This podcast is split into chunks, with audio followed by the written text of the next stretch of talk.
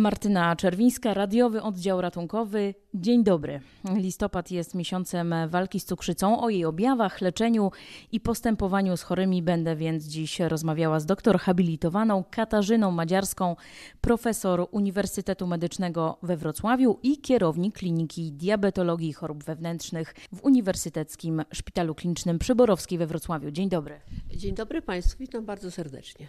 Zacznijmy od takiego ABC. Czym w ogóle jest cukrzyca i jak się objawia? Kiedy możemy się zorientować, że coś jest nie tak? Cukrzyca, patrząc z definicji, jest to zespół chorób metabolicznych, która charakteryzuje się wysokim poziomem cukru we krwi. I wbrew pozorom jest to cała grupa schorzeń, ponieważ możemy podzielić cukrzycę na cukrzycę typu pierwszego, cukrzycę typu drugiego, cukrzycę ciężarnych i cukrzycę wtórne, które wynikają z wtórnych czynników, przykład przyjmowania leków. Jeżeli chodzi o objawy, no to one również są zróżnicowane, zależnie czy mamy, czy rozpoznajemy u pacjenta cukrzycę typu pierwszego. I tutaj te objawy są dosyć charakterystyczne, występują bardzo szybko i szybko dochodzi do rozpoznania, a więc jest to przede wszystkim ubytek wagi ciała, wzmożone pragnienie, pogorszenie samopoczucia, a w takich bardzo skrajnych przypadkach nawet kwasica ketonowa i śpiączka, jeżeli wcześniej nie zareagujemy. Natomiast cukrzyca typu drugiego niestety przebiega bardzo skąpo, objawowo i skrycie i często jest bardzo późno rozpoznawana wtedy, kiedy już nawet mamy powikłania. I tutaj takimi objawami, które powinny nas zaalarmować, to jest przede wszystkim osłabienie, również ubytek wagi ciała, zmęczenie, pogorszenie wzroku, infekcje w drogach moczowych i to powinno nas zaalarmować do zrobienia sobie takich podstawowych badań. W jaki sposób my możemy zminimalizować to ryzyko zachorowania? Czy w ogóle mamy na to wpływ? Domyślam się, że to też zależy od typu tej cukrzycy.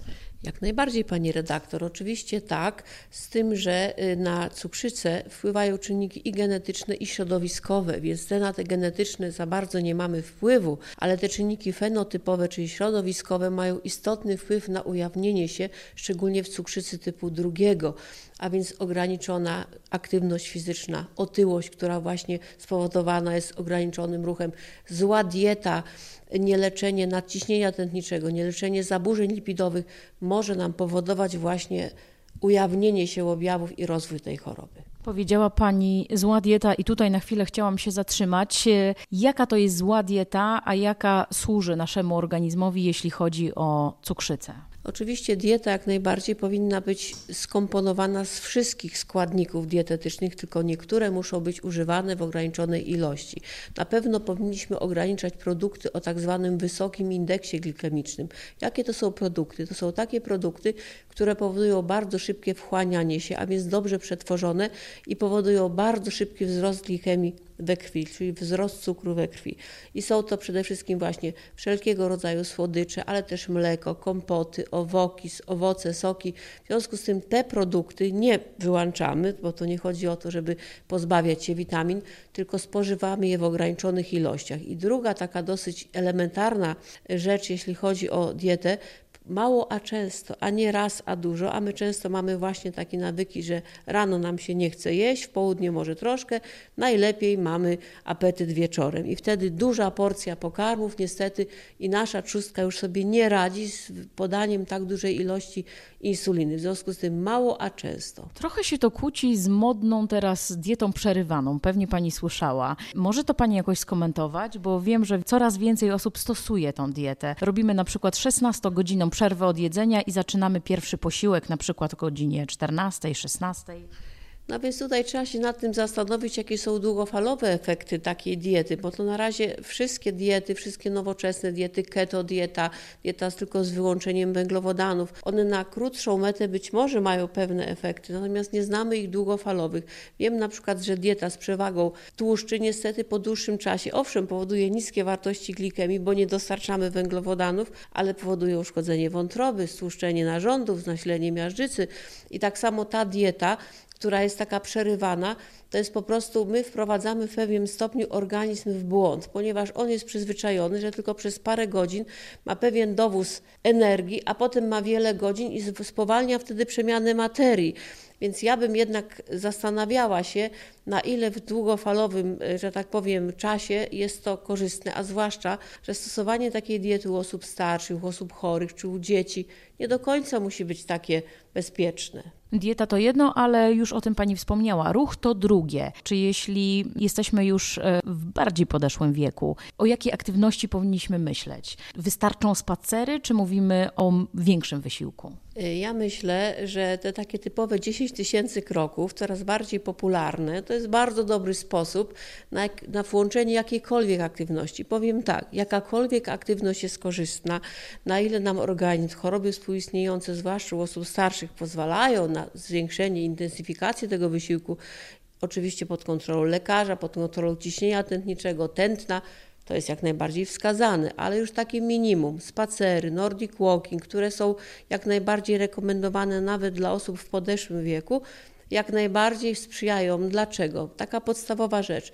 Po prostu sprawiamy, że pracują nam mięśnie, a mięśnie pobierają glukozę z krwi bez pomocy insuliny. W związku z tym bardzo odciążamy trzustkę, więc po spożyciu pokarmów zawierających nawet małe ilości węglowodanów, cukier jest pobierany przez mięśnie bez udziału insuliny, więc bardzo odciążamy i w związku z tym jest to bardzo korzystne. Więc mówię, każda aktywność fizyczna dostosowana do naszej wydolności, naszej, naszych, że tak powiem, obciążeń chorobowych, Natomiast jeżeli tylko skupimy się na Nordic Walking, czy 10 tysięcy robione codziennie, myślę, że będzie to z korzyścią dla nas. Warto robić rutynowe, kontrolne badania dotyczące cukrzycy, czy jeśli nie obserwujemy u siebie żadnych niepokojących objawów, to nie trzeba. Myślę, że trzeba, z tym, że są pewne reguły, tak jak pani redaktor powiedziała. Więc mamy takie rekomendacje w Polsce, że osoba powyżej 45 roku życia bez czynników ryzyka powinna raz na 3 lata zrobić sobie taki podstawowy komplet badań.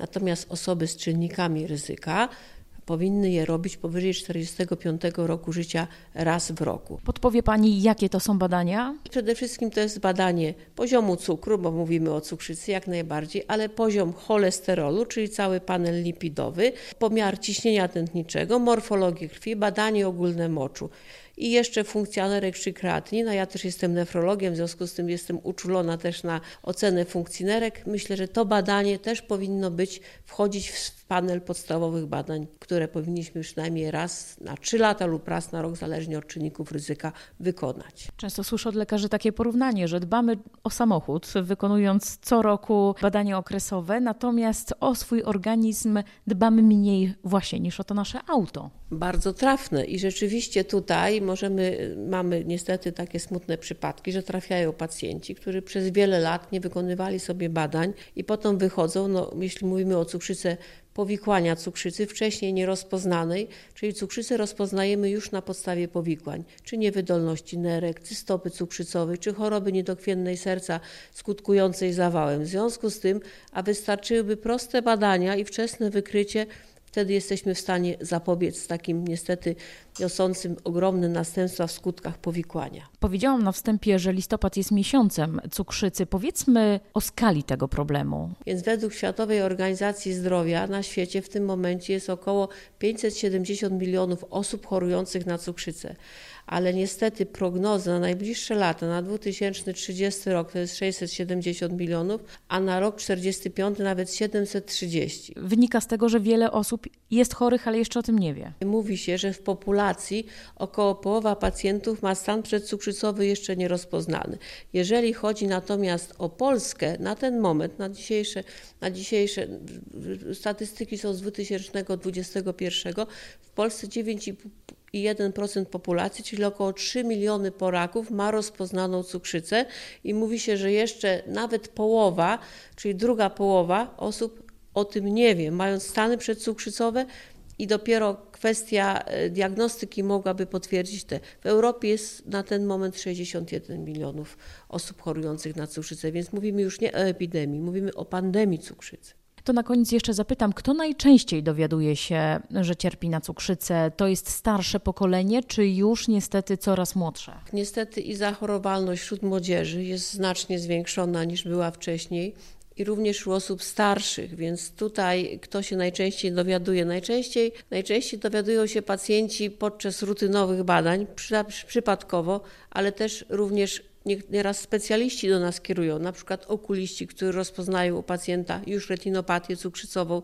kardiolodzy, u których pacjent doznaje zawału i w trakcie zawału się okazuje, że jest to przyczyną jest cukrzyca, czy pacjenci z przewlekłymi chorobami nerek, więc często pacjenci mają rozpoznawane te cukrzyce przy okazji już powikłań występujących, nie mówiąc o stopie cukrzycowej, która jest ogromnym powikłaniem i ogromną inwalidyzacją pacjenta i też często rozpoznajemy ją wtedy, kiedy pacjent już ma zaawansowane owrzodzenie typu cukrzycowego, a dopiero się dowiaduje, że przyczyną jest nieleczona cukrzyca. To wynika ze zmiany stylu naszego życia? Na pewno tak, na pewno mamy bardziej siedzący tryb życia, jeździmy samochodami, jest coraz mniejsza aktywność fizyczna, poza tym przejadamy, jest bardzo dużo przekąsek, a więc co sprzyja otyłości i stresy. Nie możemy też pominąć roli ogromnego stresu. Stres to jest wysiew adrenaliny, to jest wysiew właśnie takich diabetogennych, hormonalnych czynników i ta, i ta sytuacja sprawia, że nasze pokolenie jest po prostu bardzo narażone, nie tylko nasze pokolenie, cały świat jest narażony właśnie na,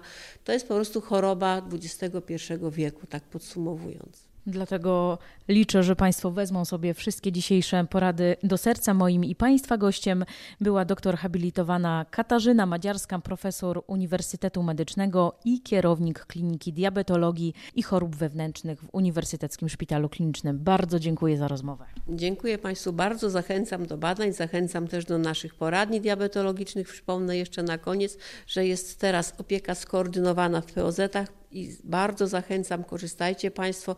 Wiele POZ-ów już na Dolnym Śląsku podpisało umowy i diabetolodzy tam konsultują i tam jest też cały sztab ludzi, koordynatorzy, dietetycy, którzy nakierunkowują i szybko wyłapują te pierwsze objawy stanów przedcukrzycowych i w związku z tym mamy nadzieję, że opieka nad pacjentami z cukrzycą w najbliższym czasie pole, powinna ulec poprawie.